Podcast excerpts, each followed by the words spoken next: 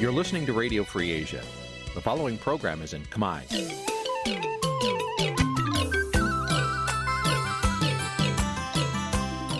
Nǐ chi càm bi tiệp xáy vệt chiu a zì sê ray នេះជាកម្មវិធីផ្សាយរបស់ Vithu Azisari ជាភាសាខ្មែរ វត្តឈូអាស៊ីសេរីសូមស្វាគមន៍លោកអ្នកនាងទាំងអស់ពីរដ្ឋធានី Washington នៃសហរដ្ឋអាមេរិក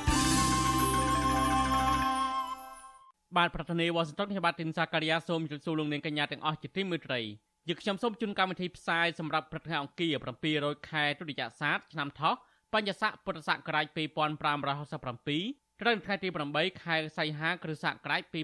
2023បាទជាដំបូងនេះសូមជម្រាបលោកនាងកញ្ញាស្ដាប់ព័ត៌មានប្រចាំថ្ងៃដែលមានមេត្តាដូចតទៅ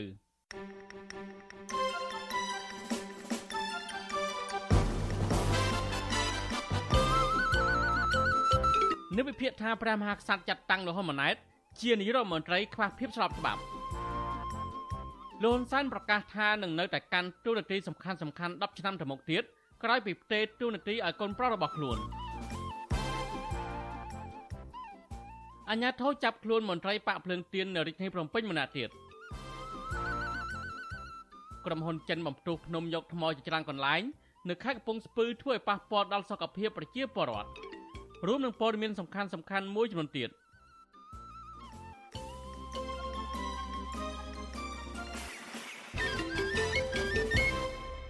បាទលោកនាយទីមេត្រីជាបន្តទៅនេះខ្ញុំបាទធីនសាការីយ៉ាសូមជូនព័ត៌មានពិស្ដាលោកសានប្រកាសថាក្រោយពីលោកលាលែងពីតំណែងជានាយករដ្ឋមន្ត្រីលោកនឹងនៅតែកាន់មុខតំណែងសំខាន់សំខាន់ផ្សេងទៀតរហូតដល់ឆ្នាំ2023និវិភាកនឹងមន្ត្រីបកប្រឆាំងថាសាររបស់លោកហ៊ុនសែនបែបនេះ គឺបង្ហាញឲ្យឃើញកាន់តែច្បាស់ថាលោកហ៊ុនសែនជាមេដឹកនាំក្រាញអំណាចមិនចេះឆ្អែតឆ្អន់បាទប្រធានាធិបតីវ៉ាស៊ីនតោនលោកមានរិទ្ធរាយការណ៍ព័ត៌មាននេះក្រោយព្រះមហាក្សត្រនរោត្តមសីហមុនីឡាយព្រះហស្ថលេខានៅថ្ងៃទី7ខែសីហាយល់ព្រមតាមផែនការផ្ទេរអំណាចតពូជដោយតាមបំណងរបស់លោកហ៊ុនសែនទៅឲ្យលោកហ៊ុនម៉ាណែតធ្វើជានាយករដ្ឋមន្ត្រីថ្មី នៅក្នុងអាណត្តិទី7រួចមក នាយករដ្ឋមន្ត្រីចាំផ្ទះលោកហ៊ុនសានប្រកាសតាម Channel Telegram របស់លោកថាមិនទាន់ចប់ត្រឹមនេះទេមេដឹកនាំក្រៅអំណាចរូបនេះអះអាងថានៅក្នុងអាណត្តិថ្មីនេះក្រៅតែពីធ្វើជាឪពុករបស់នាយករដ្ឋមន្ត្រីហើយលោកនឹងនៅតែបន្តការងារនៅក្នុងមុខនេតិផ្សេងទៀតយ៉ាងតិចមួយទសវត្សរ៍ទៀតគឺរហូតដល់ឆ្នាំ2033 ក្រោយប្រកាសផ្ទេរអំណាចទៅឲ្យកូនប្រុសច្បងរបស់លោកគឺលោកហ៊ុនម៉ាណែតឡើងធ្វើជានាយករដ្ឋមន្ត្រីតាមជើងខោកាលពីចុងខែកក្កដារួចមកលោកហ៊ុនសាន បង្ហាញចេតនាទៅដណ្ដើមយកតំណែងជាប្រធានព្រឹទ្ធសភា ពីលោកសាយឈុំនិងធ្វើជាប្រធានឧត្តមក្រុមប្រឹក្សាព្រះមហាក្សត្រអតីតមន្ត្រីជាន់ខ្ពស់គណៈបពប្រឆាំងលោកអ៊ុំសំអាន ថាការអួតអាងរបស់លោកហ៊ុនសានដែលអាចកាន់តំណែងនាយករដ្ឋមន្ត្រីយូរជាងគេនៅលើពិភពលោក ដោយសារតែលោកហ៊ុនសានគឺជាមនុស្សក្រាញអំណាចនិងប្រើឧបាយកលទុច្ចរិតទៅលើដៃគូប្រកួតប្រជែងនយោបាយរបស់ខ្លួនរួមមានដូចជាការប្រកាសបំបីរដ្ឋក្រោយពីចាញ់ឆ្នោតកាលពីឆ្នាំ1993និងការធ្វើរដ្ឋប្រហារបង្ហូរឈាមដណ្ដើមតំណែងនាយករដ្ឋមន្ត្រីពីសម្ដេចក្រមព្រះនរោត្តមរណរដ្ឋកាលពីឆ្នាំ1997 លោកអ៊ុំសំអាន បន្តថាលោកហ៊ុនសែនក៏ជាអ្នកប៉ិនប្រសពនៅក្នុងឧបាយកលទុច្ចរិតក្នុងការអូសទាញនិងបំបីបំបាក់លើក្រុមប្រកួតប្រជែងរបស់ខ្លួន ជាពិសេសលោកហ៊ុនសែនធ្លាប់អះអាងខ្លួនឯងថាលោកគឺជាអ្នកបញ្ជាឲ្យតុលាការកំពូលរំលាយគណៈបកសង្គ្រោះជាតិនិងមិនឲ្យគណៈបកភ្លើងទៀនចូលរួមការប្រគល់ប្រជែងការបោះឆ្នោតនាពេលថ្មីថ្មីនេះ ក្រៅពីនេះលោកអ៊ុំសំអានក៏ចោទថាលោកហ៊ុនសានគឺជាអ្នកនៅពីក្រោយនៃអំពើឃាតកម្មទៅលើអតីតមេដឹកនាំសហជីពលោកជាវិជាព្រះដេចគុណសំប៊ុនធឿនវិរៈជនការពីប្រៃឈើលោកឈុតវុធីនិងលោកបណ្ឌិតកែមលីជាដើមការការដំណើររបស់គាត់តាមរយៈប្រើកណ្ដាប់ដៃដៃតាមរយៈការការដំណើរផ្ដាច់ការគាត់មកក្រាបទៅលើសកម្មជនបពប្រឆាំងចាប់ បពប្រឆាំងដាក់គុកហើយនឹងការធ្វើឃាតមួយចំនួនទៀតទៅលើសកម្មជនបពប្រឆាំងតែរួមទាំងមានការធ្វើឃាតទៅលើលោកជីវវិជាលោកឈុតពុទ្ធីលោកកែមលីហើយនឹងការបោកក្របបែកឆ្នាំ1997ហើយនេះក៏ប្រើបណ្ដាប់ដៃដែរនឹងឯងទៅមកក្រាបទៅលើគូគូវិជាហ្នឹងឯង លោកអ៊ុំសមានយល់ឃើញថាមុខតំណែងផ្សេងៗដែលលោកហ៊ុនសែនប្រកាសថានឹងកាន់កាប់នៅក្នុងអាណត្តិទី7ថ្មីនេះបង្ហាញថាលោកហ៊ុនសែននៅតែខ្លាចស្រមោលខ្លួនឯងដោយបារម្ភប្រឈមមុខជាមួយផ្លូវច្បាប់ក្រោយលាលែងពីតំណែងហើយលោកនឹងនៅតែបន្តក្តាប់ក្តាប់អំណាចដែលគ្របដណ្ដប់លើស្ថាប័នសភា និងគណៈរដ្ឋមន្ត្រីទូនាទី ជាពងយុរដ្ឋមន្ត្រីគឺគាត់ចាំតែបញ្ជាទៅលើនាយករដ្ឋមន្ត្រីឲ្យធ្វើតាមគាត់នាយករដ្ឋមន្ត្រីថ្មីហ្នឹងគ្រាន់ជាអាយ៉ងរបស់គាត់គាត់ជាឧបករណ៍របស់គាត់ឲ្យឆ្វេងឆ្វេងឲ្យស្ដាំស្ដាំធ្វើទៅតាមលូនសែនណាព្រោះហេតុអីយើងមើលប្រព័ន្ធនៃការដឹកនាំមកមានការផ្លាស់ប្ដូរអីហ្នឹងហើយការដឹកនាំហ្នឹងតាំងរដ្ឋមន្ត្រីភាគច្រើនហ្នឹងដែលជាគណៈរដ្ឋមន្ត្រីថ្មីរបស់លោកហ៊ុនម៉ាណែតហ្នឹងភាគច្រើនស្ថិតជាគូរបស់អ្នកធំមានតែជាយុវជនបន្តពូជមិនមែនជាយុវជនបន្តវេនណា ចំណែកឯអ្នកវិភាគនយោបាយលោកកឹមសុខវិញលោកលើកឡើងថាលោកហ៊ុនសាន បានដឹកនាំនឹងគ្រប់គ្រងរដ្ឋនាពេលកន្លងមកនេះគឺដើម្បីតែបំរើផលប្រយោជន៍ក្រុមគ្រួសារនិងបកពួករបស់លោកតែប៉ុណ្ណោះលោកកឹមសុខយល់ថាអ្វីដែលសហគមន៍ជាតិនិងអន្តរជាតិចងចាំចំពោះការដឹកនាំជានាយករដ្ឋមន្ត្រីរបស់លោកហ៊ុនសានរួមមានការបំផ្លិចបំផ្លាញធនធានធម្មជាតិការចាប់ពលរដ្ឋខ្មែរដែលតវ៉ាប្រឆាំងដាក់ពន្ធនាគារ និងជាអ្នកនៅពីក្រោយករណីឃាតកម្មធំធំនាពេលកន្លងមកពីព្រោះប្រជាពលរដ្ឋខ្មែរសហគមន៍អន្តរជាតិរួមទាំងតុលាការអន្តរជាតិផងមិនអាចបំភ្លេចបានទេ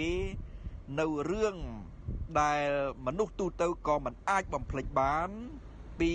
លោកហ៊ុនសែនគឺគាត់ជាមេដឹកនាំរដ្ឋប្រហារអចិន្ត្រៃយ៍ដើម្បីប្លន់អំណាចហើយដឹកនាំសង្គមបែបភេរវកម្មរដ្ឋ គឺប្រើឈ្មោះរដ្ឋធ្វើបាបប្រជាពលរដ្ឋនិងបំផ្លាញប្រជាពលរដ្ឋលោកកឹមសុខបន្តថានៅក្នុងអាណត្តិទី7ខាងមុខនេះលោកហ៊ុនសែននិងកូនប្រុសច្បងរបស់លោកគឺលោកហ៊ុនម៉ាណែតនឹងបន្តរបៀបរបបគ្រប់គ្រងបែបផ្ដាច់ការនិយមដដែលហើយពលរដ្ឋខ្មែរនឹងនៅតែមិនមានសិទ្ធិសេរីភាពពិតប្រាកដនៅក្នុងនាមជាម្ចាស់ឆ្នោត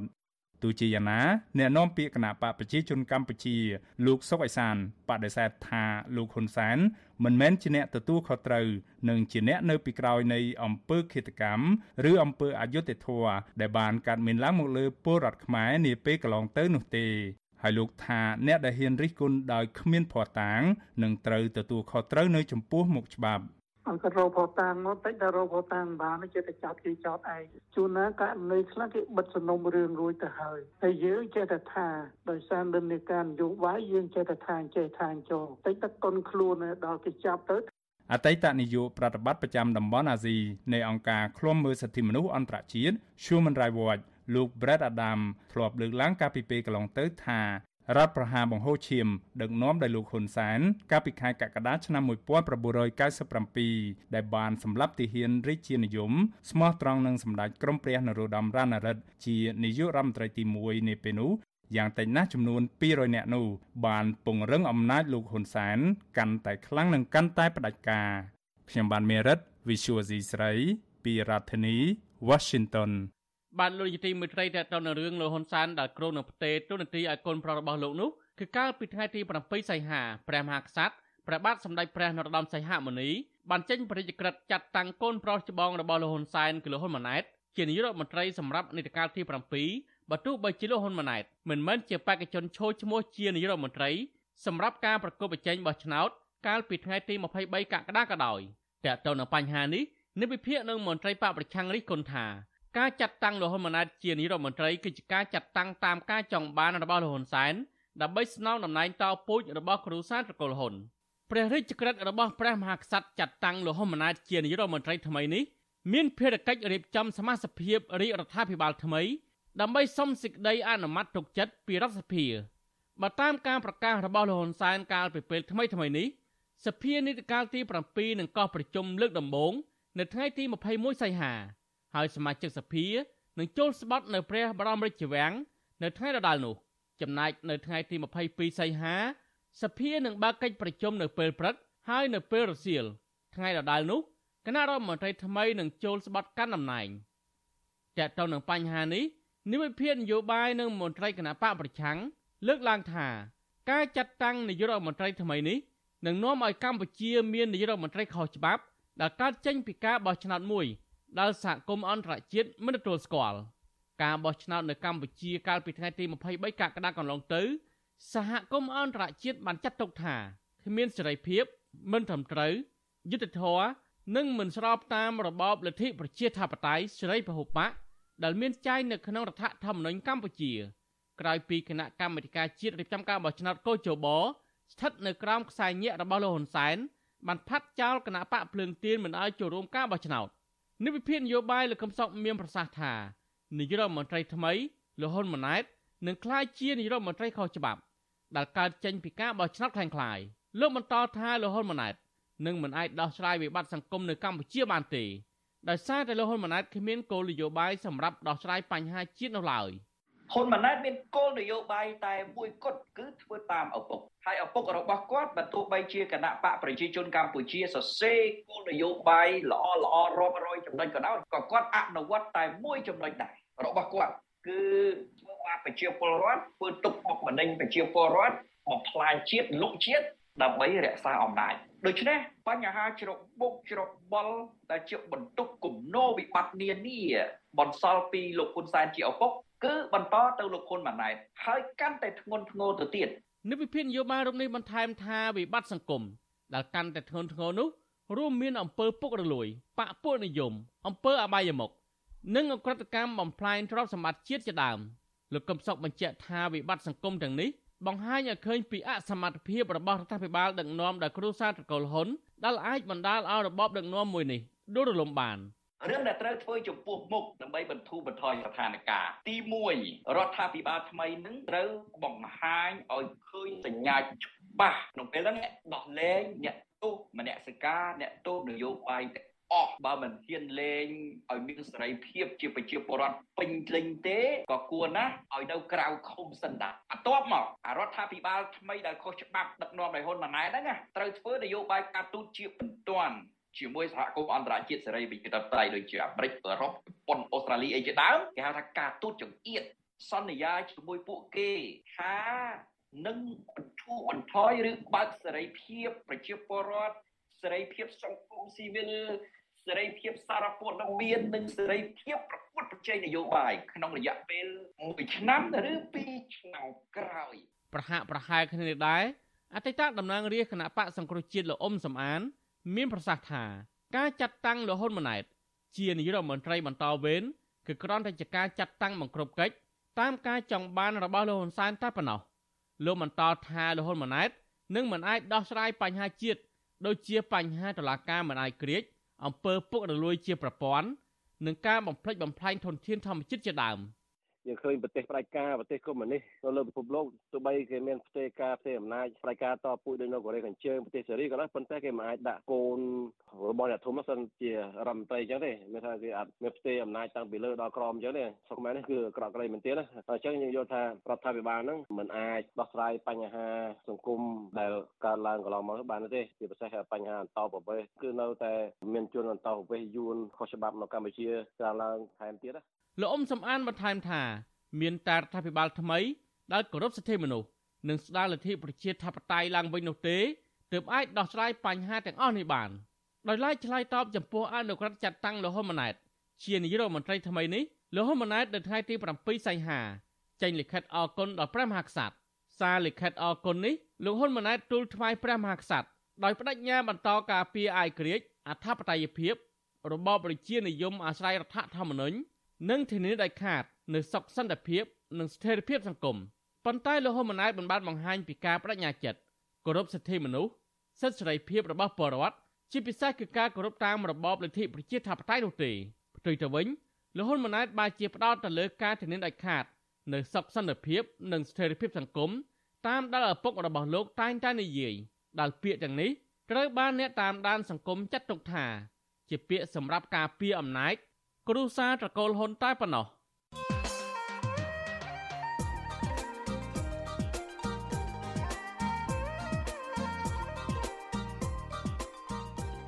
បាទលោកនាងកញ្ញាប្រិមម្នាក់ស្ដាប់ជាទីមេត្រីក្រោយព្រះមហាក្សត្រនរោត្តមសីហមុនីឡាយប្រហ័សលេខាយល់ព្រមតាមសំណើផ្ទេរអំណាចតពូជដោយតាមបំណងរបស់លោកហ៊ុនសានទៅឲ្យលោកហ៊ុនម៉ាណែតធ្វើជានាយករដ្ឋមន្ត្រីថ្មី នៅក្នុងអាណត្តិទី7រួចមក នាយករដ្ឋមន្ត្រីចាំផ្ទះលោកហ៊ុនសានប្រកាសថាមិនទាន់ចាប់ត្រឹមនេះទេមេដឹកនាំក្រាញអំណាចរូបនេះបញ្ជាក់ថាលោកនឹងបន្តការងារនៅក្នុងមុខនីតិផ្សេងទៀតយ៉ាងតិចមួយទសវត្សរ៍ទៀតគឺរហូតដល់ឆ្នាំ2033លោកធ្លាប់បង្ហាញចេតនាទៅដណ្ដើមយកតំណែងប្រធានព្រឹទ្ធសភាពីលោកសៃឈុំនឹងធ្វើជាប្រធានឧត្តមទីប្រឹក្សាព្រះមហាក្សត្រគណៈលោករុញមន្ត្រីជាន់ខ្ពស់ដទៃទៀតនៅក្នុងជួរបកឲ្យចូលនិវត្តន៍ ឲ្យទៅកាន់តំណែងខ្យល់ឬគ្មានអំណាចតើផែនការផ្ទេរអំណាចទាំងវង ជាកញ្ចប់នៅក្នុងជួរផ្ទៃក្នុងគណៈបកកណ្ដាលអំណាចដែលមានលោកហ៊ុនសែនជាស្ថាបនិកនេះអាចរក្សាបានតុល្យភាពអំណាចនៅក្នុងចំណោមមន្ត្រីកម្ពុជាកម្ពុជាក្រាក់ក្រាក់របស់គណៈបកនេះបានយូរប៉ុណ្ណានិងថាតើផែនការផ្ទេរអំណាចនេះអាចបញ្ចប់ជំងឺរ៉ាំរ៉ៃមិនទុកចិត្តគ្នា និងដណ្ដើមអំណាចផ្ទៃក្នុងនៃគណៈបកនេះបានកម្រិតណាដែរ បាទនេះគឺជាប្រធានបទដែលយើងនឹងលើកយកមកពិភាក្សានៅក្នុងនេតិវេទិកាអ្នកស្ដាប់ Visual Asia ស្រីនៅយប់ថ្ងៃអង្គារទី8ខែសីហានេះបាទប្រសិនបើលោកអ្នកនាងមានចំណាប់អារម្មណ៍ចង់ចូលរួមដាក់ជាសំណួរឬបញ្ចេញមតិយោបល់សូមអញ្ជើញលោកអ្នកនាងដាក់ឈ្មោះនិងលេខទូរស័ព្ទរបស់លោកអ្នកនាងនៅក្នុងប្រអប់ខ្ទង់ comment នៃការផ្សាយផ្ទាល់របស់ Visual Asia សេរីនៅលើបណ្ដាញសង្គម Facebook YouTube និង Telegram នាពេលនោះ បាទក្រុមការងាររបស់យើងនឹងតាក់ទងទៅលោកអ្នកនាងដើម្បីចូលរួមដាក់ជាសំណួរនិងបញ្ចេញមតិយោបល់នៅក្នុងនេតិវេទិកាអ្នកស្ដាប់ Visual Asia សេរីបាទសូមអរគុណ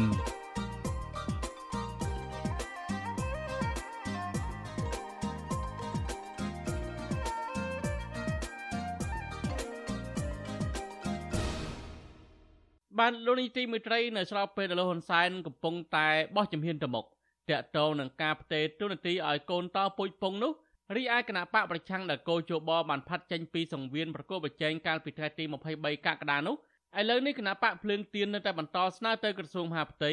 ដើម្បីរកដំណោះស្រាយលើឯកសារចុះឈ្មោះនៅក្នុងបញ្ជីគណៈបកនយោបាយដើម្បីចូលរួមការប្រកបប្រជែងការបោះឆ្នោតនៅពេលខាងមុខ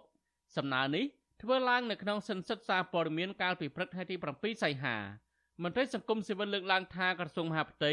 មានភារកិច្ច និងទទួលខុសត្រូវលើសំណើនេះបាទប្រធានីវ៉ាស៊ីនតោនលោកលេងម៉ាលីរាយការណ៍ព័ត៌មាននេះមន្ត្រីគណៈបកភ្លើងទៀននៅតែអះអាងថាខ្លួនមិនបានកិច្ចវេះពីការផ្ដល់ឯកសារដល់គណៈកម្មាធិការជាតិរៀបចំការបោះឆ្នោតហៅកាត់ថាកោជបដើម្បីចូលរួមប្រកួតការបោះឆ្នោតឡើយអ្នកនាំពាក្យគណៈបកភ្លើងទៀនលោកគឹមស៊ូភេរិតមានប្រសាសន៍ក្នុងសន្និសីទសារព័ត៌មាននៅទីស្នាក់ការកណ្ដាលគណៈបកនារាជធានីភ្នំពេញ នៅព្រឹកថ្ងៃទី7សីហាថា គណៈបកមួយនេះពិតជាបាត់ឯកសារមួយចំនួនមែន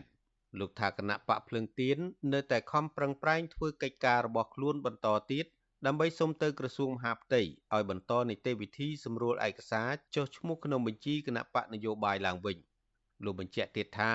គណៈបកភ្លើងទៀនចង់ចូលរួមប្រកួតប្រជែងការបោះឆ្នោតបន្តបន្ទាប់ទៀតដើម្បីកែលម្អលទ្ធិប្រជាធិបតេយ្យនៅកម្ពុជា។ ចឹងយើងនៅតែទទូចសុំពិចារណាឲ្យក្រសួងធ្វើកិច្ចការនឹងបន្តជាមួយនឹងយើងតទៅទៀតដើម្បីធានាថាទៅថ្ងៃមុខគណៈបកមិនថាភ្លើងទៀនទេវាអាចមានគណៈបកផ្សេងទៀតដែលជួបបញ្ហានឹងអាចដោះស្រាយបញ្ហាបានដូចគ្នាអញ្ចឹងដើម្បីជៀសវាងកុំឲ្យកើតបញ្ហាសោកស្ដាយដូចកន្លងទៅនេះគឺជាជំហររបស់គណៈបកភ្លើងទៀនមិនមែនដើម្បីតែគណៈបកភ្លើងទៀនតែមួយមុខទេគឺដើម្បីអនាគតនៅគណៈបកនយោបាយទាំងអស់ដែលចូលរួមក្នុងការកសាងដំណើរការលទ្ធិជាតិនៅក្នុងស្រុកយើង វិទ្យុអស៊ីសេរីមិនអាចតាក់ទងแนะនាំពាក្យក្រសួងមហាផ្ទៃលោកខៀវសុភ័ក្រដើម្បីសូមសេចក្តីអត្ថាធិប្បាយជុំវិញបញ្ហានេះបានទេ នៅថ្ងៃទី7សីហាចំណែកអ្នកនាំពាក្យគណៈបកប្រជាជនកម្ពុជា លោកសុកអេសាន ប្រាប់វិទ្យុអស៊ីសេរីយ៉ាងខ្លីថាបញ្ហានេះជារឿងផ្ទៃក្នុងរបស់គណៈបកភ្លើងទៀនជាមួយក្រសួងមហាផ្ទៃដែលត្រូវដោះស្រាយដោយខ្លួនឯងខ្ញុំ មានយោបល់តែប៉ុណ្្នឹងទេរឿងភ្លើងទៀនជារឿងភ្លើងទៀនហើយជាមួយសមត្ថកិច្ចហើយបើថាយើងមិនត្រឹមត្រូវសមត្ថកិច្ចគេក៏ចូលបយគេឲ្យហើយបើថាយើងមិនត្រឹមត្រូវទេបានគេមិនឲ្យហ្នឹងកាលពីថ្ងៃទី2សីហាគណៈបកភ្លើងទៀនបានស្នើសុំជួបរដ្ឋមន្ត្រីក្រសួងមហាផ្ទៃលោកសខេងម្ដងរួចមកហើយប៉ុន្តែត្រូវបានក្រសួងមហាផ្ទៃបដិសេធមិនទទួលដោយប្រាប់ឲ្យរងចាំរហូតដល់មានរដ្ឋាភិបាលថ្មីជុំវិញរឿងនេះ អ្នកនាំពាក្យសមាគមការពារសិទ្ធិមនុស្សអាតហុកលោកសង្សានករណាមានប្រសាសន៍ថាប្រសិនបើក្រសួងមហាផ្ទៃមានឆន្ទៈក្នុងការផ្ដល់ឱកាសឲ្យគណៈបកភ្លឹងទៀនចូលរួមប្រកួតផ្នែកនយោបាយនៅពេលខាងមុខក្រសួងគួរតែសម្របសម្រួលដោយបង្កលក្ខណៈបំពេញបន្ថែមនៅចំណុចខ្វះចន្លោះទាំងនោះឲ្យคล้ายទៅជាភាពស្របច្បាប់លោកជឿជាក់ថាប្រសិនបើក្រសួងមហាផ្ទៃមិនជួយសម្រួលដល់គណៈបកភ្លឹងទៀនទេនោះ គណៈបកមួយនេះអាចនឹងរាំងស្ទះក្នុងការចូលរួមបោះឆ្នោតជាបន្តបន្ទាប់ទៀត យើងចង់ឃើញណាគ្រប់គណៈបកនយោបាយហ្នឹងមានឱកាសក្នុងការឈ្មោះទៅការប្រកួតប្រជែងមួយដោយមានសេរីភាពពេញលេញក្នុងការចូលប្រកួតប្រជែងហ្នឹងដោយមានការសម្របសម្រួលពីគ្រប់ភាគីទាំងអស់ហើយពីស្ថាប័នពាក់ព័ន្ធហ្នឹងជៀសវាងមានការរិះគន់ណាពីសហគមន៍អន្តរជាតិដែលគេមើលឃើញថាជាការបង្កលក្ខណៈធ្វើឲ្យរដ្ឋបិទនៅសិទ្ធិសេរីភាពឬក៏ធ្វើទុកបុកម្នេញក្នុងការចូលរួមក្នុងការប្រកួតប្រជែងឯទាំងអស់ហ្នឹងក្នុងពេលកន្លងមកគណៈបកភ្លើងទៀនបញ្ជាក់ថា ឯកសារច្បាប់ដើមនៃប្រកាសលេខ193ចុះថ្ងៃទី23ខែមីនាឆ្នាំ1998របស់ក្រសួងមហាផ្ទៃស្តីពីការចុះឈ្មោះក្នុងបញ្ជីគណៈបកនយោបាយបានបាត់ក្នុងអំឡុងឆ្នាំ2017គឺនៅពេលដែលទីស្នាក់ការកណ្ដាលគណៈបកមួយនេះស្ថិតនៅខាងក្រោមទីស្នាក់ការគណៈបកសង្គ្រោះជាតិគណៈបកភ្លើងទៀនខកមិនបានចូលរួមការបោះឆ្នោតជាតិកាលពីថ្ងៃទី23ខែកក្កដាកន្លងទៅ ដោយសារកោជបតម្រូវឲ្យគណៈបកមួយនេះភ្ជាប់សេចក្តីចម្លងលិខិតបញ្ជាក់ការចុះបញ្ជីគណៈបកនយោបាយនៅក្រសួងមហាផ្ទៃមួយច្បាប់ដោយមាននេត្យានុកូលកម្មដោយរដ្ឋបាលរាជធានីខេត្តក្រុងនិងខណ្ឌចំនួនមួយច្បាប់ដោយឡែកខាងក្រសួងមហាផ្ទៃមិនបានអនុញ្ញាតឲ្យគណៈបកភ្លើងទៀនថតចម្លងលិខិតបញ្ជាក់ការចុះបញ្ជីគណៈបកនយោបាយនោះទេដោយចេញត្រឹមតែលិខិតបញ្ជាក់ទទួលស្គាល់គណៈបកមួយនេះ ថាពិតជាបានចុះបញ្ជីនៅក្រសួងមហាផ្ទៃតែប៉ុណ្ណោះខ្ញុំបាទលេងម៉ាលី With you Assisary Washington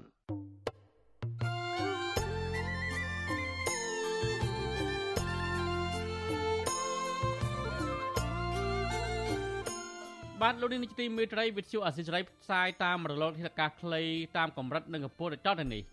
ពេលព្រឹកចាប់ពីម៉ោង5កន្លះដល់ម៉ោង6កន្លះ តាមរយៈប៉ុស SW 12.14 MHz ស្មើនឹងកម្ពស់ 25m និងប៉ុស SW 13.71 MHz ស្មើនឹងកម្ពស់ 22m ពេលយប់ចាប់ពីម៉ោង7កន្លះដល់ម៉ោង8កន្លះតាមរយៈប៉ុស SW 9.33 MHz ស្មើនឹងកម្ពស់ 32m ប៉ុស SW 11.88 MHz ស្មើនឹងកម្ពស់ 25m និងប៉ុស SW 12.15 MHz ស្មើនឹងកម្ពស់ 25m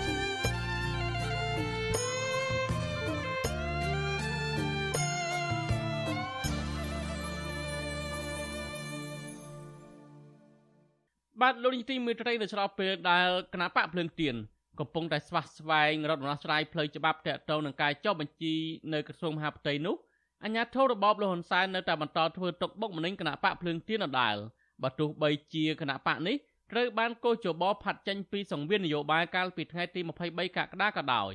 អាជ្ញាធរបានចាប់ខ្លួនមន្ត្រីគណៈបកភ្លើងទៀនប្រចាំនៅរាជធានីភ្នំពេញម្នាក់ទៀតគឺលោកកឹមសុភាដោយគ្មានមូលហេតុច្បាស់លាស់កាលពីថ្ងៃទី6សីហា មន្ត្រីគណៈបកភ្លើងទៀនចាត់ទុកការចាប់ខ្លួនសមាជិកគណៈបកនេះអាចតកតទៅនឹងរឿងនយោបាយអ្នកនាំពាក្យគណៈបកភ្លើងទៀនលោកកឹមសុភិរិទ្ធប្រាប់វិទ្យុអាស៊ីសេរីថាគណៈបកពុំទាន់ដឹងពីមូលហេតុនៃការចាប់ខ្លួននេះឡើយប៉ុន្តែលោកអះអាងថាអាញាធរបានប៉ុនប៉ងចាប់លោកកឹមសុភា តាំងពីនៅមុនពេលបោះឆ្នោតជាតិមកម្លេះ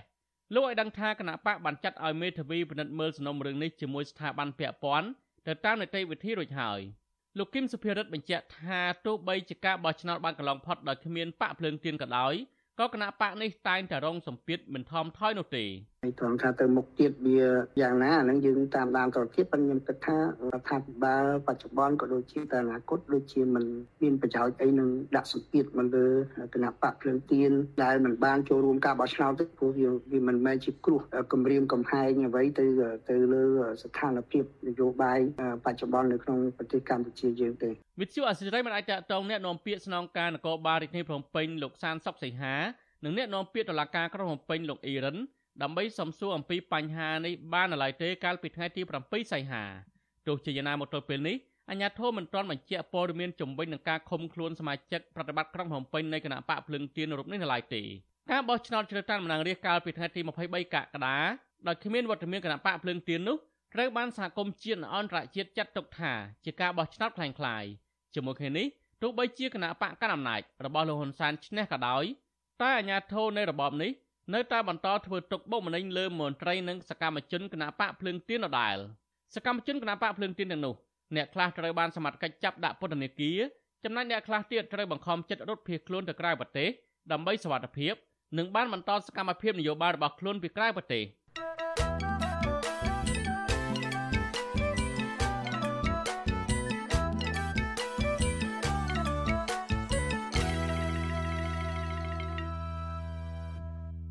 បាទលោកជាទីមេត្រីនៅស្របពេលដែលរបបលហ៊ុនសែនកំពុងតែធ្វើទុកបុកម្នេញគណៈបកភ្លើងទៀន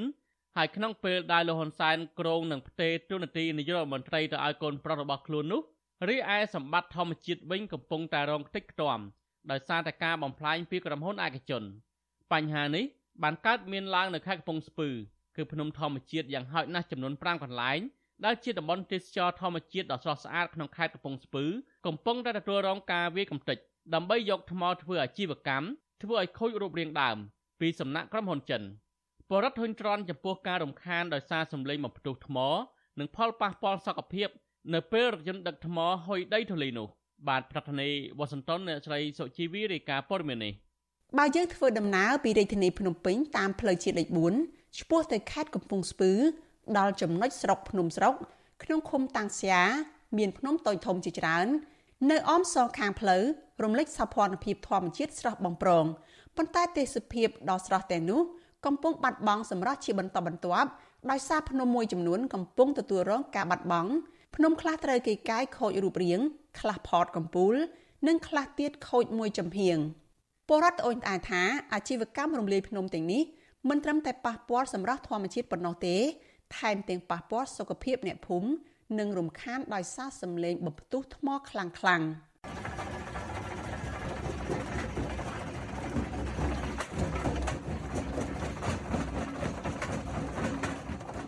ពលរដ្ឋរស់នៅភូមិតាំងស្យាឃុំតាំងស្យាលោកហេនពៅ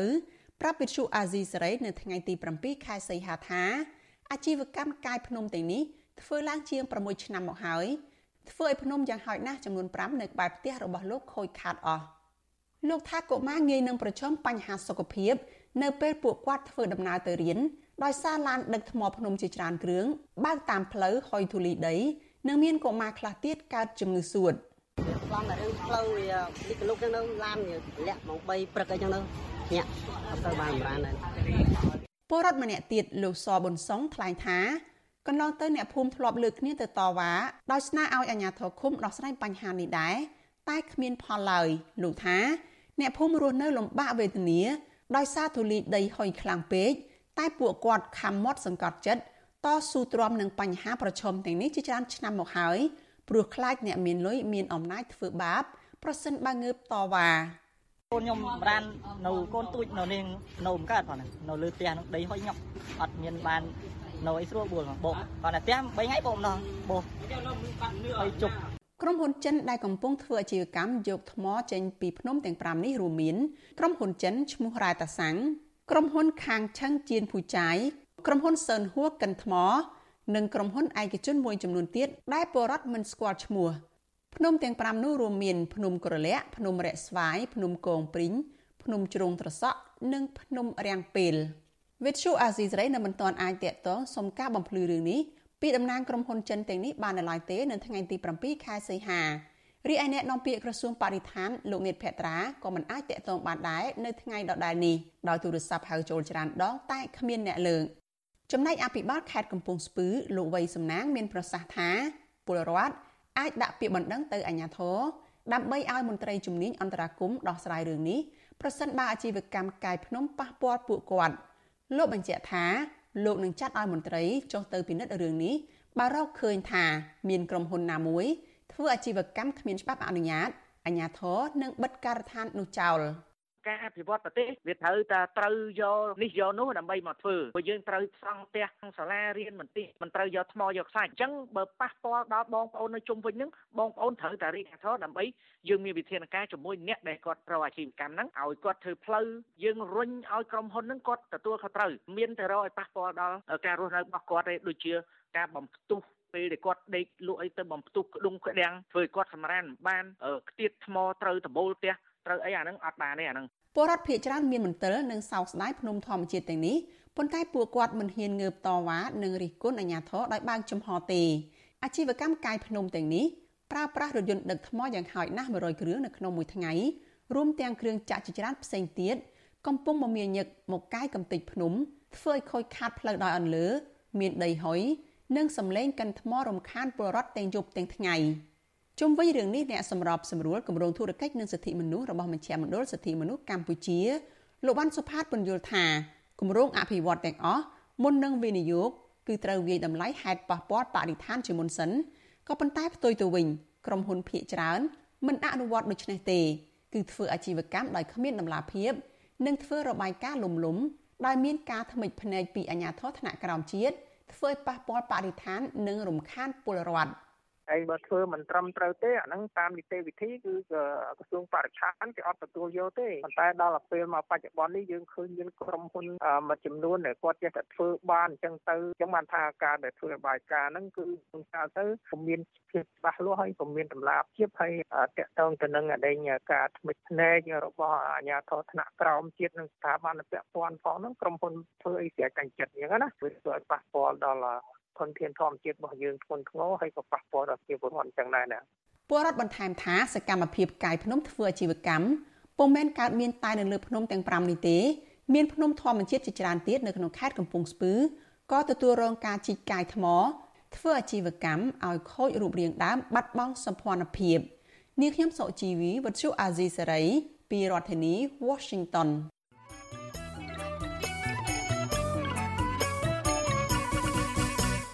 បាទលោកនាងជាទីមេត្រីនៅឯខេត្តសៀមរាបឯនេះវិញលាងទឹកជាង20កន្លែងនៅតំបន់ឧទ្យានជាតិភ្នំកូលែនក្នុងខេត្តសៀមរាបដែលក្រសួងបរិស្ថានធ្លាប់សន្យាថានឹងថែរក្សាឲ្យបានត្រឹមត្រូវក៏នៅតែប្រឈមការរំលោភបំពានដោយស្ងាត់ស្ងាត់ពីសំណាក់ក្រុមអ្នកមានលុយមានអំណាចដដែលបរដ្ឋស្នើឲ្យក្រសួងបរិស្ថានការពារតំបន់ភ្នំធម្មជាតិប្រវត្តិសាស្ត្រដ៏មានតម្លៃទាំងនេះឲ្យគង់វង្សដើម្បីទុកជាប្រយោជន៍រួមរបស់ជាតិនិងការផ្គត់ផ្គង់ទឹកសម្រាប់ឲ្យបរដ្ឋប្រើប្រាស់នៅទូទាំងខេត្ត បាទប្រធានាធិបតីវ៉ាស៊ីនតោនលោកជាតិចំណានរាយការណ៍ព័ត៌មាននេះលាងជប់ទឹកជាង20កន្លែងស្ថិតនៅក្នុងឧទ្យានជាតិភ្នំកូលែនក្នុងខេត្តសៀមរាបដែលក្រសួងកំណត់ជាតំបន់ការពារធម្មជាតិអាជ្ញាធរនៅតែមិនមានភាពច្បាស់លាស់អភិរក្សឲ្យគង់វង្សនៅឡើយទេមកដល់ពេលនេះពលរដ្ឋនៅខេត្តសៀមរាបនិងជាសកម្មជនការពារបរិស្ថានអំពាវនាវឲ្យរដ្ឋមន្ត្រីក្រសួងបរិស្ថានលោកសៃសំអាលរកមធ្យោបាយការពារលាងធម្មជាតិទាំងនេះឲ្យថិតថេរដើម្បីរក្សានិរន្តរភាពបរិស្ថានធម្មជាតិ ផ្គត់ផ្គង់ទឹកសម្រាប់មនុស្សសត្វរុក្ខជាតិនិងទាញទឹកធ្វើកសិកម្មជាដើមការលើកឡើងនេះក្រោយពីរដ្ឋមន្ត្រីក្រសួងបរិស្ថានលោកសាយសំអាលកាលពីថ្ងៃទី2ខែសីហាបានធ្វើដំណើរទៅខេត្តសៀមរាបដើម្បីសម្ពោធទីស្នាក់ការឧទ្យានរៈនិងផ្ទះស្នាក់កេសរគោលនៅឧទ្យានជាតិភ្នំកូលែនខេត្តសៀមរាបលោកសាយសំអាលបានថ្លែងថាក្រសួងនឹងរៀបចំឧទ្យានជាតិឲ្យមានសន្តិភាពនិងរៀបរយតាមរយៈការកសាងហេដ្ឋារចនាសម្ព័ន្ធដើម្បីបង្កើនប្រសិទ្ធភាពនៃការគ្រប់គ្រងការពារនិងអភិរក្សធនធានធម្មជាតិនិងជីវៈចម្រុះ លើកកម្ពស់ការសិក្សាស្រាវជ្រាវការថែរក្សាសម្បត្តិធម្មជាតិបម្រើវិស័យទេសចរផ្សារភ្ជាប់ទៅនឹងទឹកដីរួមទាំងការលើកកម្ពស់សេដ្ឋកិច្ចមូលដ្ឋានរបស់ពលរដ្ឋជាដើមពលរដ្ឋរស់នៅតំបន់ភ្នំកូលែនខេត្តសៀមរាបថ្លែងសុំមិនបញ្ចេញឈ្មោះប្រាប់វិសុអាស៊ីសេរីថាក្រសួងបរិស្ថាននឹងមិនទាន់រៀបចំម៉ាស៊ីនជាតិនេះឲ្យមានសន្តិភាពនៅឡើយទេពលគឺអ្នកមានលុយមានអំណាចនៅតែអាចរំលោភបំពានលាងទឹកជប់មួយចំនួននិងធ្វើសំណង់រឹងរាំងខ្ទប់ទឹកអូរធម្មជាតិនៅតំបន់ភ្នំកូលែនជាបន្តបន្ទាប់ លោកថាសម្បត្តិធម្មជាតិខឿនប្រាសាទបុរាណនៅលើខ្នងភ្នំកូលែនលាងជប់ទឹកនិងព្រៃឈើនៅតែប្រឈមការគម្រាមកំហែងនៅថ្ងៃអនាគតអដីមុនទឹកជប់គីមក្រោយលក់គេទៅគិតដូចចាគិតធ្វើពើតពើតយោមកថាធ្វើសិនធ្វើសិននេះដាក់លបងថ្មជីគឺគីអីគេដូចថាមុនគេហាមគាត់ចូលគីមកាលគេដកហូតតាមពូចិត្តបើយើងទុកឲ្យវាតាមធម្មជាតិវាតែគេព្រៃឈើគឺគាត់ដោយធនធានទឹកដោយថាបាក់បង្ខំនិងដោយថាប្រជាជនយកទឹកនោះមកស្រោចផលដោយថាធ្វើស្រូវចង្ការ កាលពីខែកក្កដាកន្លងទៅអាជ្ញាធរខេត្តសៀមរាបបានចុះហាមឃាត់អ្នកមានអំណាចម្នាក់សង់សំណង់រឹងនិងរបងរាំងខ្ទប់ទឹកអូរធម្មជាតិមួយកន្លែងស្ថិតនៅក្នុងតំបន់ឧទ្យានជាតិភ្នំកូលែននៅឃុំត្បែងស្រុកបន្ទាយស្រីសកម្មភាពធ្វើសំណង់បំពេញច្បាប់នេះបានប៉ះពាល់ដល់ចរន្តទឹកលំហូរធម្មជាតិនិងលអាងទឹកជប់មួយចំនួនដែលពលរដ្ឋប្រើប្រាស់ប្រចាំថ្ងៃនឹងធ្វើកសិកម្មពលរដ្ឋនៅខេត្តសៀមរាបអ្នកទៀតលោកនងធីរ៉ាសង្កេតឃើញថាតំបន់ឧទ្យានជាតិនេះមានការកាប់ទន្ទ្រានព្រៃរៀនយកដីធ្វើចម្ការ និងការទប់ទឹកអូរមួយចំនួនលើខ្នងភ្នំដើម្បីតែប្រយោជន៍ឯកជនលោកថាការកាប់ព្រៃលើខ្នងភ្នំ និងជំរាលភ្នំ នៅតែកើតមានបង្កឲ្យប៉ះពាល់ដល់តំបន់ទេសចរប្រវត្តិសាស្ត្រមួយនេះដែលក្រសួងបរិស្ថានត្រូវតែយកចិត្តទុកដាក់ដោះស្រាយស្នាក់ស្នើទៅក្រសួងបរិស្ថានបើសិនជាតាំងចិត្តប៉ុណ្ណឹងហើយ សូមឲ្យគាត់ចាត់វិធានការយ៉ាងមុតមមទៅជាពិសេសមន្ត្រីណាដែលឬក៏ជាពលរដ្ឋណាដែលគាត់កាងនៅតំបន់ជុំវិញទឹកហ្នឹងគឺឲ្យគាត់មានដំណើរការផ្លូវច្បាប់ឲ្យឲ្យមែនតែនទៅអាហ្នឹងខ្ញុំមានជំនឿហើយអាចនឹងការពារបានប៉ុន្តែបើសិនជាធ្វើលំលំដែលកន្លងមកហ្នឹងគឺខ្ញុំមានជំនឿទេការបំផ្លាញព្រៃឈើអីហ្នឹងគឺមានជំនឿតិចតិចមែនតើកន្លងទៅរដ្ឋលេខាធិការនិងជាអ្នកនាំពាក្យក្រសួងបរិស្ថានលោកណេតភត្រា សន្យាថាក្រសួងនឹងការពារតំបន់នោះឲ្យគង់វង្សដោយថែទាំព្រៃឈើនិងដាំកូនឈើឡើងវិញដើម្បីការពារប្រភពទឹកឲ្យផ្ដល់ជូនពលរដ្ឋសម្រាប់ប្រើប្រាស់ជុំវិញនៅខេត្តសៀមរាបគឺប្រភពទឹកពីភ្នំកលែនការពារប្រភពទឹកដើម្បីផ្ដល់នៅប្រភពទឹកពេញលេញហើយនេះគឺជាចំណុចមួយដែលសំខាន់ហើយកម្ពុជារបស់យើងកំពុងតែឆ្ពោះទៅមុខនៅក្នុងដំណើរអភិវឌ្ឍកំណើនប្រជាជនកំណើនសេដ្ឋកិច្ចតម្រូវការទឹកក៏ជាចំណុចមួយចាំបាច់លាងជប់ទឹកភ្នំកលែន រួមមានជប់ទឹកស្រះដំរីជប់ទឹកខ្នាពោជប់ទឹកអន្លង់ខៀវតំបន់ជប់ទឹកវាស្រែនិងលាងជប់ទឹកអន្លង់មាសជាដើមដែលមានទឹកផុសចេញពីក្រោមដីគ្រប់រដូវកាលហូរឆ្ពោះទៅស្ទឹងសៀមរាបបឹងនិងអូរជាច្រើនកន្លែងតម្រង់មកខ្សែទឹកខាងក្រោមដែលអំណោយផលល្អប្រសើរដល់ប្រជាពលរដ្ឋជាច្រើនពាន់គ្រួសារដែលទាញយកទឹកនោះមកប្រើប្រាស់ធ្វើកសិកម្មគ្រប់រដូវមិនចេះរីងស្ងួតជាពិសេសតាក់ទាញភ្ញៀវទេសចរនិងបង្កើតប្រព័ន្ធអេកូឡូស៊ីជាដើម ជុំវិញរឿងនេះសកម្មជនការពារបរិស្ថានលោកធុនរដ្ឋាដែលចុះអង្គាសរឿងនេះថ្លែងថាក្រសួងបរិស្ថានមានភាពចន្លោះប្រហោងជាច្រើនក្នុងការគ្រប់គ្រងបរិស្ថានធម្មជាតិនៅតំបន់ឧទ្យានជាតិនេះលើពីនេះលោកថាការអនុវត្តច្បាប់ដ៏ធូររលុងនិងមានការលាក់បាំងជាប្រព័ន្ធពីបញ្ហាប្រឈមមួយចំនួនទាក់ទងទៅនឹងការបំផ្លាញទុនធានធម្មជាតិនៅតំបន់នេះទៀតផង ចង់មានអំណាចធំប៉ុណ្ណាក៏ដោយបើសិនជាក្រសួងបរិស្ថានបង្ហាញពីឆន្ទៈក្នុងការដោះស្រាយឲ្យតែមានករណីរំលោភទ្រព្យសម្បត្តិទាំងអស់ហ្នឹងមែនគឺចាត់វិធានការបែប តឹងរឹងមែនតើមិនគួរយកយល់ហ្នឹងមិនថាអ្នកឯងត្រីរាជការអ្នកឯងមានលុយប៉ុណ្ណាក៏ដោយអញ្ចឹងគឺអាចធានាបានថាអ្វីដែលក្រសួងបរិស្ថានជាពិសេសរដ្ឋមន្ត្រីសន្យាហ្នឹងគឺជឿជាក់ធានាបានប៉ុន្តែបើគ្រាន់តែនិយាយហើយហើយវិធានការមិនសូវមានការរឹតបន្តឹងឬគន្ទេខ្ញុំថានេះគ្រាន់តែជាការសន្យាយកមុខយកមាត់ភូតភោកុហកឯងឧស្សាហជាតិប្របាទជ័យវរ្ម័នរោដមបានបង្កើតឡើងដោយបរិយាចក្រិតកាលពីឆ្នាំ1993មានផ្ទៃដីជាង37000ហិកតា គ្របដណ្ដប់លើភ្នំចំនួន3គឺភ្នំក្រឡេនភ្នំក្បាលស្ពាននិងភ្នំហប់ភ្នំនីមួយៗនៅក្នុងឧទ្យានជាតិនេះមានតួនាទីជួយរក្សាលំនឹងបរិស្ថាននៅតំបន់អង្គរតាមរយៈការផ្ដល់ប្រភពទឹកនិងធនធានធម្មជាតិសម្បូរបែបរួមមានព្រៃឈើជីវៈចម្រុះនិងផ្ដល់អត្ថប្រយោជន៍ជាច្រើនជួយដល់ជីវភាពប្រជាជនរួមទាំងតម្លៃបរិស្ថានជាតិប្រវត្តិសាស្ត្រឧទ្យានជាតិនេះមានទឹកជ្រោះជ្រលងភ្នំខ្ពង់រាបវត្តអារាមប្រាសាទបុរាណអាស្រមអ្នករសាសិលសត្វព្រៃ និងទីតាំងបុរាណស្ថានជាច្រើនកន្លែងតាក់ទាញភ្ញៀវទេសចរទៅកំសាន្តស្ថិតនៅក្នុងស្រុកចំនួន3គឺស្រុកស្វាយលើស្រុកបន្ទាយមានជ័យនិងស្រុកវ៉ារិនរាជអាប្រជាពលរដ្ឋជាច្រើនពាន់គ្រួសារបានសង់ទីលំនៅក្នុងឧទ្យានជាតិនេះជាច្រើនចំនួនមកហើយដោយប្រកបមុខរបរធ្វើកសិកម្មរកអនុផលព្រៃឈើនិងបម្រើវិស័យទេសចរជាដើមខ្ញុំបាទចិត្តចំណាន Visual ស៊ីស្រីប្រធានាទី Washington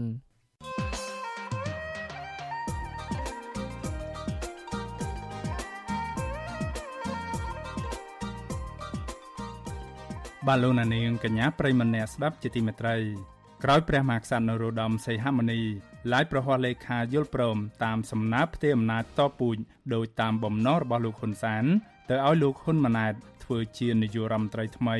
នៅក្នុងអាណត្តិទី7រួចមកនាយករដ្ឋមន្ត្រីចាំផ្ទះលោកហ៊ុនសានប្រកាសថាមិនទាន់ចាប់ត្រឹមនេះទេ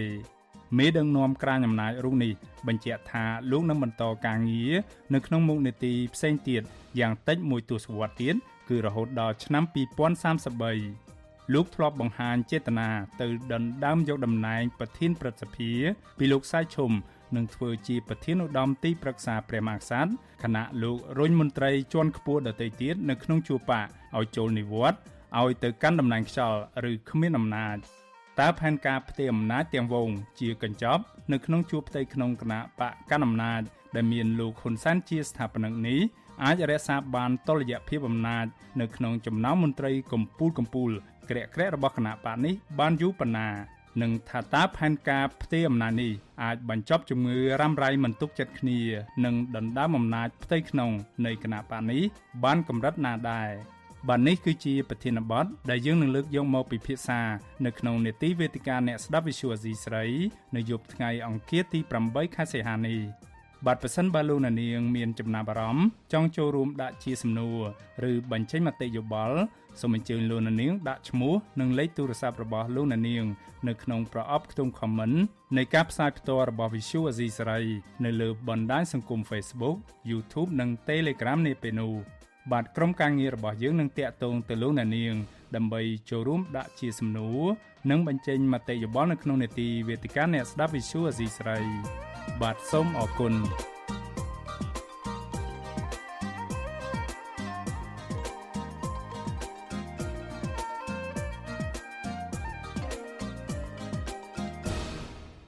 បាទលោកនេះទីមិត្តរីនៅខេត្តបាត់ដំបងឯណោះវិញប្រជាពលរដ្ឋនៅខេត្តបាត់ដំបងរអ៊ូរទាំអំពីបញ្ហាផ្លូវថ្នល់ខូចស្ទើរតែគ្រប់ទីកន្លែងដែលធ្វើឲ្យរំខានដល់ការប្រកបមុខរបរនិងប៉ះពាល់សុខភាពរបស់ពួកគាត់ការលើកឡើងនេះក្នុងពេលផ្លូវនៅក្នុងក្រុងបាត់ដំបងស្ទើរតែទាំងអស់ខូចពិបាកធ្វើដំណើរ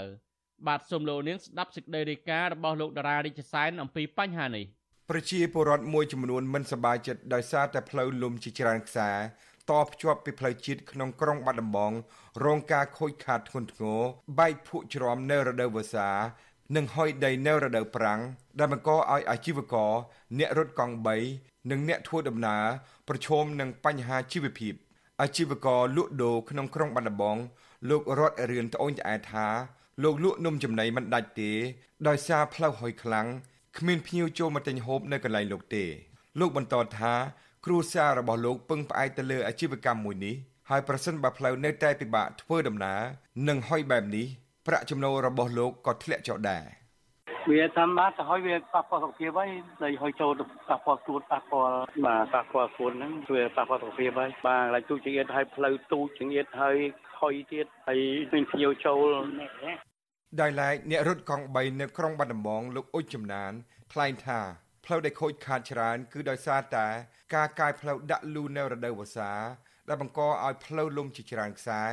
ខូចខាតខ្ទេចខ្ទីនិងផ្លូវមួយចំនួន មានជង្ហុកធំធំអាចបង្កឲ្យមានគ្រោះថ្នាក់ដល់ការធ្វើដំណើរលោកបន្តថាផ្លូវខូចខាតនេះបង្កឲ្យមានភាពរំខានដល់ការប្រកបមុខរបរលោក និងជាពិសេសត្រូវជិះវៀងឆ្ងាយដើម្បីទៅយកអតិថិជនបាទវាមានការរំខានដែរប៉ុន្តែដោយសារយើងអាច មានជំរឿសដូចតែផ្លូវហ្នឹងយើងត្រូវទៅទៅហើយយើងអត់មានជំរឿសវៀងទៅខាងណាវិញណាអូនយើងសុកចិត្តបើកាត់ក្លុកបើកាត់ទឹកលិចឬក៏ដីដែលហុយហ្នឹងយើងអត់មានជំរឿសត្រូវវៀងដូចមានពេលខ្លះភ្ញៀវគាត់ booking មកចំផ្លូវហ្នឹងអញ្ចឹងអបប្រមាថាយើងវៀងផ្លូវភ្ញៀវគាត់ថាយើងបើកខុសគោលដៅអញ្ចឹងគាត់ cancel លោកអុចចំណានបន្ថែមថាបើទោះបីមានការដាក់លូនៅតាមផ្លូវក្តី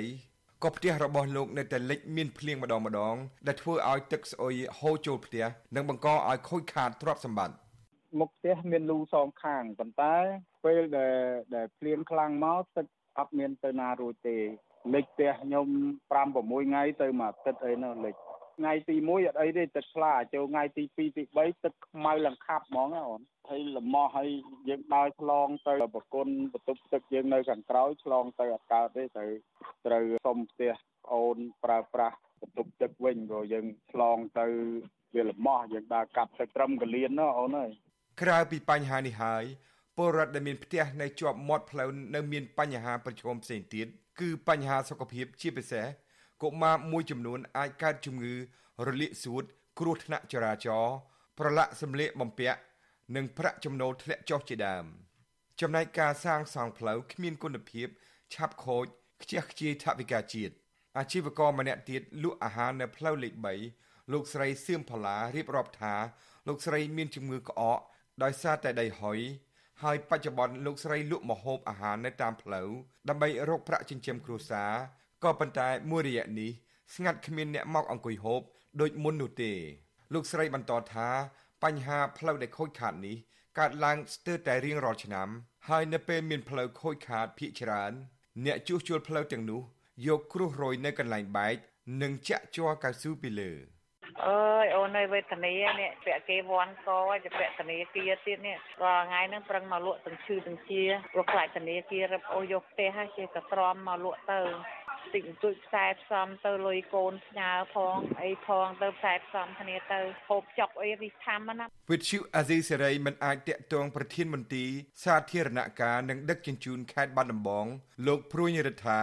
និងអភិបាលខេត្តបាត់ដំបង លោកសុកលូដើម្បីសុំអធិប្បាយបានទេ នៅថ្ងៃទី7សីហាទោះជាយ៉ាងណា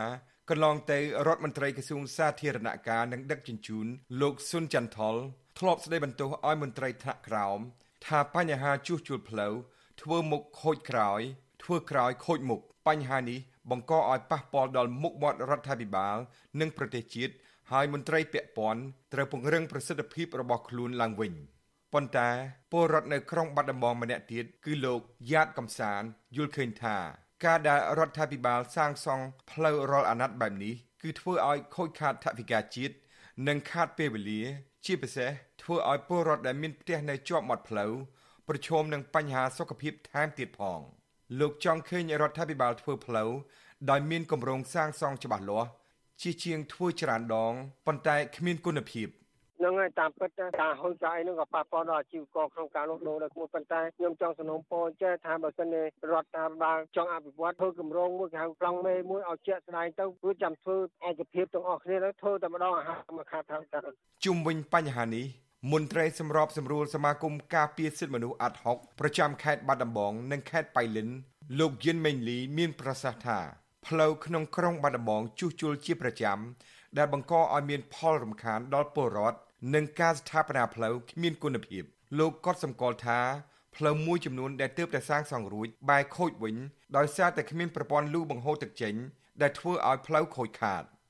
អានេះដែលខ្ញុំក៏សង្កល់អញ្ចឹងយើងធ្វើយ៉ាងម៉េចការជួសជុលរបស់យើងចង់ឲ្យធ្វើម៉េចឲ្យបានរយៈពេលវែងខ្ញុំចង់និយាយអញ្ចឹងឲ្យជាប់រយៈពេលយូរមួយឆ្នាំជួសជុលតែម្ដងបានហើយកុំឲ្យឆ្នាំជួសជុលទៅ4 5ដង4 10ដងអាហ្នឹងវាអាហ្នឹងវាប៉ះពាល់ហើយប៉ះពាល់ពាក់អារម្មណ៍ប្រជាប្រដ្ឋដែលរស់នៅប៉ះពាល់ដល់ការដឹងជូនហើយសំខាន់គឺចំណុចនេះឯងចំណែកបច្ចេកទេសយើងជួសជុលច្រើនដងពេកបច្ចេកទេសនេះមានបញ្ហាហើយជាងនេះទៅទៀតផ្លូវខ្លះនៅក្នុងក្រុងបាត់ដំបង និងតាមជាក្រុងទើបតែជួសជុលរួចខូចជាបន្តបន្ទាប់ ពីព្រោះមានឡានដឹកដី និងឡានដឹកទំនិញធំធំ បើកចូលក្នុងក្រុង ជាពិសេសផ្លូវនៅប៉ែកខាងត្បូងរូបសំណាក់ព្រះនរាយឬរូបសំណាក់ដៃ8ដែលមានសន្តានផ្លូវបែកប្រេះដោយអន្លើអន្លើ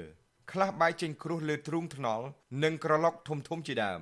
ប្រជាពលរដ្ឋនិងមន្ត្រីសង្គមស៊ីវិលទទូចឲ្យអាជ្ញាធរពាក់ព័ន្ធគិតគូរបញ្ហាជីវភាពពលរដ្ឋនិងត្រូវសាងសង់ផ្លូវលំតូចៗគ្រប់ច្រកល្ហកទាំងអស់ ឲ្យមានគុណភាពប្រសើរឡើងវិញដើម្បីអាចឲ្យពួកគាត់ប្រកបមុខរបរចិញ្ចឹមជីវិតដោយគ្មានការរំខានខ្ញុំដារ៉ារាជសែន With you Azisari ទីក្រុង Adelaide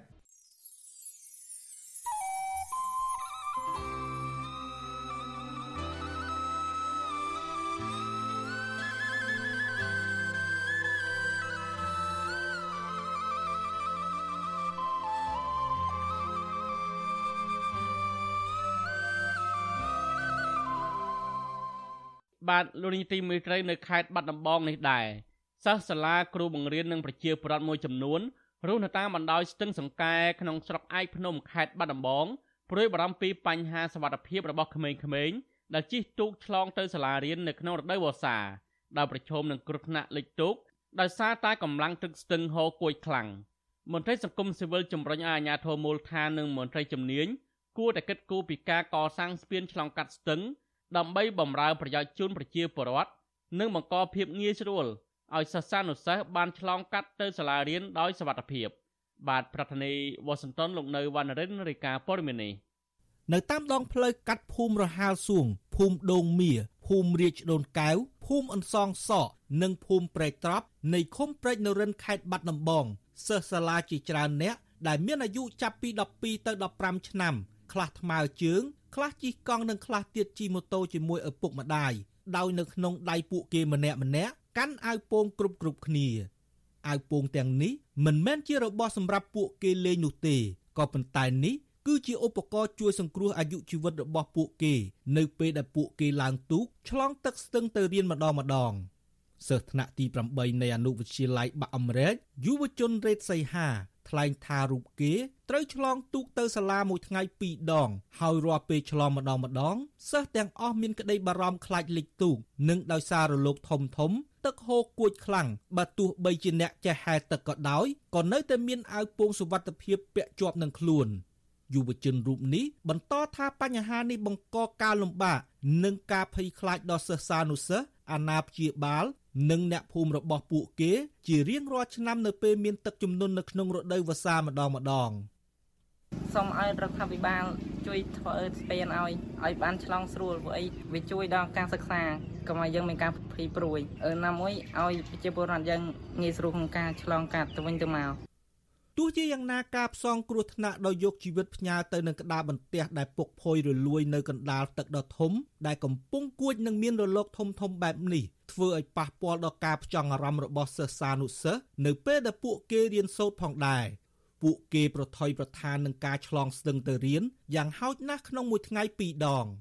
ស្រដៀងគ្នានេះដែរសិស្សម្នាក់ទៀតដែលរៀនថ្នាក់ទី7នៃអនុវិទ្យាល័យបាក់អមរែកយុវជនសវណ្ណរាជឲ្យដឹងថានៅពេលដែលមានទូកបើកកាត់ម្ដងម្ដងសិស្សទាំងអស់មិនហ៊ានសូម្បីតែកម្រើកខ្លួនដោយសារតែរលកអាចវាយពន្លិចទូកដែលកំពុងឆ្លងកាត់ យុវជនសវណ្ណរាជបន្តថារាល់ពេលទៅសាលាម្ដងម្ដងឪពុកម្ដាយរបស់ខ្លួនតែងផ្ដាំឲ្យពាក់អាវពោងជាប់ជានិច្ចនិងមិនឲ្យប្រឡែងគ្នានៅលើទូកព្រោះខ្លាចឃ្លីងឃ្លោងក្រឡាប់ទូកសិស្សអនុវិទ្យាល័យរូបនេះស្រមៃថាប្រសិនបើមានស្ពានបេតុងមួយផុសឡើងចំកណ្ដាលពីមុខសាលាពួកគេនោះសិស្សសាលាទាំងអស់នឹងមិនបាច់កាន់អាវពោងពាក់ពីផ្ទះហើយឪពុកម្ដាយរបស់ពួកគេក៏មិនចាំបាច់បារម្ភរាល់ថ្ងៃនោះដែរ សូមឲ្យលោកតាសម្ដេចហ៊ុនសែនជួយឧបត្ថម្ភស្ពេនឲ្យពួកខ្ញុំបានឆ្លងកាត់ទៅវិញទៅមកផងឲ្យគេធ្វើឆ្នាំនេះមកខ្ញុំពិបាកនឹងទៅឆ្លងទៅវិញទៅមកតាមបណ្ដោយដងស្ទឹងសង្កែស្ពានផ្សារប្រហុកស្ថិតនៅក្នុងភូមិព្រែកតាច្រែងគឺជាស្ពានចុងក្រោយបង្អស់នៅខាងខ្សែទឹកខាងក្រោមដែលមានចម្ងាយ7គីឡូម៉ែត្រពីក្រុងបាត់ដំបង ប៉ុន្តែទីតាំងស្ពាននេះមិនស្ថិតនៅទីតាំងសាលារៀនឡើយព្រោះសិស្សភាគច្រើនជាកូនកសិកររស់នៅក្នុងភូមិចំនួន6ក្នុងឃុំព្រែកនរិន ស្ថិតនៅត្រើយខាងលិចមិនអាចធ្វើដំណើរឆ្លងកាត់ស្ពានផ្សារប្រហុកដើម្បីទៅរៀនបាននោះទេព្រោះការធ្វើដំណើរត្រូវវៀងមានចម្ងាយផ្លូវពី5គីឡូទៅ8គីឡូម៉ែត្រហើយត្រូវចំណាយពេលវេលាយូរនិងទៅមិនទាន់ម៉ោងទៀតផង ពលរដ្ឋនៅក្នុងភូមិអន្សងសក់អ្នកស្រីនៅម៉ារ៉ាដែលមានកូនស្រីម្នាក់ឆ្លងទូកទៅរៀនស្ទើររាល់ថ្ងៃឲ្យដឹងថាទោះបីកូនលោកស្រីមានអាវពោងពាក់ការពារក្តី ក៏លោកស្រីនៅតែបារម្ភអំពីសុវត្ថិភាពកូនដែរព្រោះលោកស្រីយល់ថាក្មេងសិស្សសាលាមានកម្លាំងកាយនិងស្មារតីខ្សោយជាងមនុស្សចាស់ទន្ទឹមនឹងនោះនៅពេលដែលជួបគ្រោះថ្នាក់អ្វីមួយក្មេងនឹងអាចមានការតក់ស្លុតជាងមនុស្សចាស់ដែលជាហេតុផលធ្វើឲ្យពួកគេមិនអាចប្រឈមនឹងកម្លាំងទឹកហូរខ្លាំងបាននោះឡើយ ពេលមានពេលទៅជ្រួកូនទៅរៀនអីវាអត់សូវភ័យឆ្លងទូកអញ្ចឹងប៉ុន្តែឆ្លងទូកទៅគ្នាច្រើននេះទៅគឺថាបាក់អឺស្អៀងអីទៅអាចទៅជាលិចកលាក់អីក៏មានរាប់ចាប់តាំងពីប៉ែកខាងក្រោមស្ពានផ្សារប្រហុកមានកំពង់ចម្លង4ដែលប្រជាពលរដ្ឋនិងសិស្សានុសិស្សឆ្លងជាប្រចាំរួមមានកំពង់ចម្លងភូមិព្រែកនរិនឆ្លងទៅភូមិព្រែកលួង កំពង់ចម្លងភូមិរហាងសួងឆ្លងទៅភូមិស្ដីលើកំពង់ចម្លងភូមិរាជដូនកែវឆ្លងទៅភូមិបាក់អំរែកនិងកំពង់ចម្លងភូមិព្រែកត្រប់ឆ្លងទៅភូមិបាក់រតេះទុកចម្លងដែលមានសិស្សនិងប្រជាពលរដ្ឋប្រើប្រាស់ជាមធ្យោបាយសម្រាប់ឆ្លងទៅត្រើយម្ខាងនោះជាប្រភេទទូកដក្បាលសងខាងរៀបស្មើ បញ្ជាដោយម៉ាស៊ីនសាំងឬចែវដោយច្រវាដៃមានទទឹង7.2ម៉ែត្របណ្ដោយជាង4ម៉ែត្រក្នុងនោះ កំពុងចម្លងខ្លះនៅប្រើប្រាស់ទូកធ្វើអំពីឈើមានសភាពចាស់ទ្រុឌទ្រោមនិងទូកចម្លងមួយចំនួនក៏មានទឹកជ្រាបចូលខាងក្នុងផងដែរក៏ប៉ុន្តែម្ចាស់ទូកដខ្លះបញ្ជាក់អះអាងថាពួកគាត់តែងតែត្រួតពិនិត្យទូកជាប្រចាំនិងជួសជុលជារៀងរាល់ឆ្នាំអ្នកចម្លងទូកដនៅក្នុងភូមិព្រែកត្រប់លោកអានសំអឿនរៀបរាប់ថារបរចម្លងទូកដនេះមិនមែនជាអាជីពរបស់លោកដើម្បីរកកម្រៃចិញ្ចឹមជីវិតតែម្យ៉ាងតែប៉ុណ្ណោះទេ ប៉ុន្តែគោលបំណងសំខាន់របស់លោកគឺចង់ជួយសម្រាលការលំបាករបស់សិស្សានុសិស្សដែលមានផ្ទះនៅឆ្ងាយពីស្ពានផ្សារប្រហុកហើយពួកគេខ្វះខាតមធ្យោបាយធ្វើដំណើរដូចជាម៉ូតូជាដើមលោកបន្តថាថ្ងៃខ្លះលោកមិនហ៊ានទទួលចម្លងសិស្សឡើយដោយសារតែទឹកស្ទឹងហូរខ្លាំងពេកលើសពីលទ្ធភាពដែលលោកអាចចែវដោយដៃទៅត្រើយម្ខាងទៀតបាន។ លោកអានសំអឿនបញ្ជាក់ថាលោកពេញចិត្តនឹងបោះបង់មុខរបរនេះចោលប្រសិនបើរដ្ឋាភិបាលសង់ស្ពានមួយជូនប្រជាពលរដ្ឋដែលរស់នៅប៉ែកខាងក្រោមស្ទឹងសង្កែនេះព្រួយព្រួយដល់គាត់តែយើងយើងមើលសមត្ថភាពយើងអាចចេញបានយើងចេញណាមិនបែបែទេយើងយើងប្រុងប្រៀបនេះដាក់បានតិចតិចយើងមើលកូនសិស្សច្រើនទៅដល់គួយនៅស្គីនទៅយើងនៅតិចណាមិនបាយទឹកច្រើនទេ ជារៀងរាល់ថ្ងៃសិស្សានុសិស្សគ្រូបង្រៀននិងប្រជាពលរដ្ឋត្រូវឆ្លងទូកដទៅត្រើយម្ខាងទៀតនៅតាមកំពង់ចម្លងដូចជាកំពង់ចម្លងរាជដូនកែវកំពង់ចម្លងព្រែកលួងកំពង់ចម្លងបាក់រតេះនិងកំពង់ចម្លងបាក់អំរែកជាដើមដោយក្នុងម្នាក់ម្នាក់ត្រូវបង់ប្រាក់ពី5000រៀលទៅ6000រៀលក្នុងមួយខែមួយខែទូកខ្លះមានសភាពចាស់ទ្រុឌទ្រោមទូចចង្អៀតនិងងាយឃ្លោងពេលដែលមានរលកជះពីទូកផ្សេងមក ចំណែកទូកខ្លះទៀត បញ្ជាដោយម៉ាស៊ីនសាំងឯខ្លះទៀតត្រូវចែវដោយច្រវាដៃនិងប្រើខ្សែទាញដែលចងភ្ជាប់ទៅនឹងត្រើយម្ខាងទៀតគ្រូបង្រៀននៅសាលាបឋមសិក្សាកៅមុនីពិសីក្នុងភូមិរាជដូនកៅលោកប្រាក់សុភាពបារម្ភពីសុវត្ថិភាពសិស្សដែលឆ្លងទូកយ៉ាងហោចណាស់2ដងក្នុងមួយថ្ងៃជាពិសេសនៅរដូវទឹកឡើងនេះដោយសារមានកម្លាំងទឹកហូរខ្លាំងនិងមានកណូតបើកទៅមកក្នុងល្បឿនលឿនដែលបង្កឲ្យមានរលកធំធំ លោកបញ្ជាក់ថាបើទោះជាសិស្សសាលាមានអាវពោងពាក់ដើម្បីការពារយ៉ាងណាក្តីក៏ពួកគេនៅតែប្រឈមនឹងហានិភ័យដដែលព្រោះក្នុងចំណោមសិស្សទាំងនោះខ្លះជាក្មេងតូចតូចមិនចេះសូម្បីតែហែលទឹកនោះទេ ខ្ញុំបារម្ភពីរឿងសិស្សត្រង់ថាទូកមើលទៅទូកវាចាស់ខ្លាចឆ្លងឆ្លងទៅទូកវាមានប្រតិកម្មលិចកដាលទីទៅគាត់ថាបានហើយម្យ៉ាងទៀតខ្លាចបើកទៅជួកាត់ស្មាច់មកពីណាណីមកវាពេទៅប៉ះតកិច្ចគ្នាអាចគ្រោះថ្នាក់ដែរកន្លងមកមានស្លាប់ជួបចឹងម្ដងម្កាលដែរអញ្ចឹងបារម្ភមែនទេនោះគឺបញ្ហាសិស្សដែលវាអត់ចេះហែលទឹកបាទបើចិត្តខ្ញុំវិញខ្ញុំមិនចង់ឲ្យមានទូកចម្លងទេគឺចង់ឲ្យមានស្ពាន ប៉ុន្តែនិយាយពីរឿងស្ពានវិញអាជ្ញាធរដែនដីដឹងច្បាស់ហើយគ្រាន់តែគេមិនតាន់ធ្វើតែប៉ុណ្្នឹងឯងកាលពីជាង10ឆ្នាំមុនធ្លាប់មានព្រឹត្តិការណ៍លិចទូកំពុងចម្លងព្រែកលួងក្នុងឃុំព្រែកលួងស្រុកឯកភ្នំបណ្ដាលឲ្យខូចខាតសម្ភារៈសិក្សា និងបង្កភាពភ័យខ្លាចបាក់ស្បាតដល់សិស្សានុសិស្សបើទោះជាគ្មានអ្នកស្លាប់ក៏ដោយអភិបាលស្រុកឯកភ្នំលោកមឹលសុផលឲ្យដឹងថាអាញាធរបញ្ជូនសំណើសាងសង់ស្ពាននេះ ទៅរដ្ឋាភិបាលដើម្បីត្រួតពិនិត្យរួចហើយហើយរងចាំតែលទ្ធផលតែប៉ុណ្ណោះទោះជាយ៉ាងណាក្តីលោកបន្តថាក្នុងអំឡុងពេលដែលមិនទាន់មានស្ពានធ្វើដំណើរឆ្លងកាត់នេះលោកបានចាត់ឲ្យមន្ត្រីនៅប្រចាំមូលដ្ឋានចុះត្រួតពិនិត្យនិងអប់រំម្ចាស់ទូកដរអំពីបញ្ហាសុវត្ថិភាព និងវិធីការពារពីការលិចលង់ទូកផងដែរ។ ខ្ញុំយល់ឃើញយូរហើយហើយជាបរដ្ឋក៏បានស្នើសុំយូរហើយដែរប៉ុន្តែយើងកំពុងតែសិក្សាហើយធ្វើបានធ្វើពាក្យស្នើសុំទៅពីរដ្ឋាភិបាលតាមរយៈឯកឧត្តមអភិបាលនៃគណៈបាលខេត្តប៉ុន្តែមិនសន្យាថាបានទេកំពុងតែស្នើសុំបន្តអញ្ចឹងណាទោះជាបែបនេះក្តីនៅកំពង់ចម្លងភូមិរាជដូនកៅដែលមានសិស្សសាលាឆ្លងកាត់ច្រើនជាងគេនោះ កំពុងប្រើប្រាស់ទូកដរដែលមានសភាពចាស់ទ្រុឌទ្រោមនិងផុយរលួយនៅឡើយហើយពេលខ្លះម្ចាស់ទូកក៏ផ្ទុកអ្នកដំណើរលើសចំណុះទៀតផង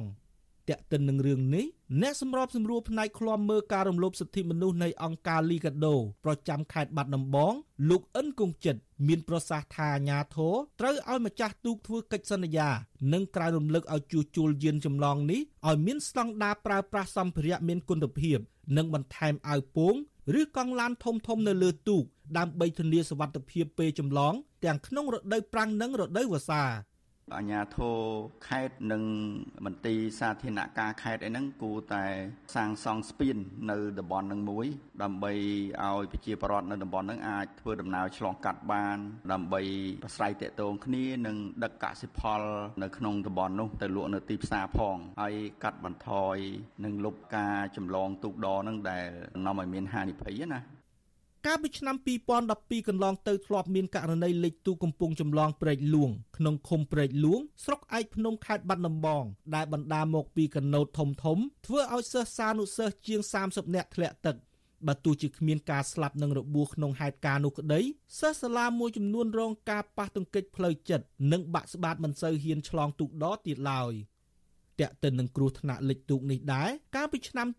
2022សោកនាដកម្មនៅទន្លេមេគង្គក្នុងហេតុការណ៍លិចទូកចម្លងនៅក្នុងឃុំកំពង់ភ្នំស្រុកលើកដៃខេត្តកណ្ដាលបានគួចយកជីវិតសិស្សចំនួន11នាក់ក្នុងចំណោមជនរងគ្រោះ19នាក់បានក្លាយជាវិបដិសារីដ៏ជូរចត់និងដាស់ស្មារតីឪពុកម្ដាយដែលមានកូនឆ្លងទូកទៅរៀនឲ្យមានការបារម្ភពីសុវត្ថិភាពរបស់កូនកូនពួកគាត់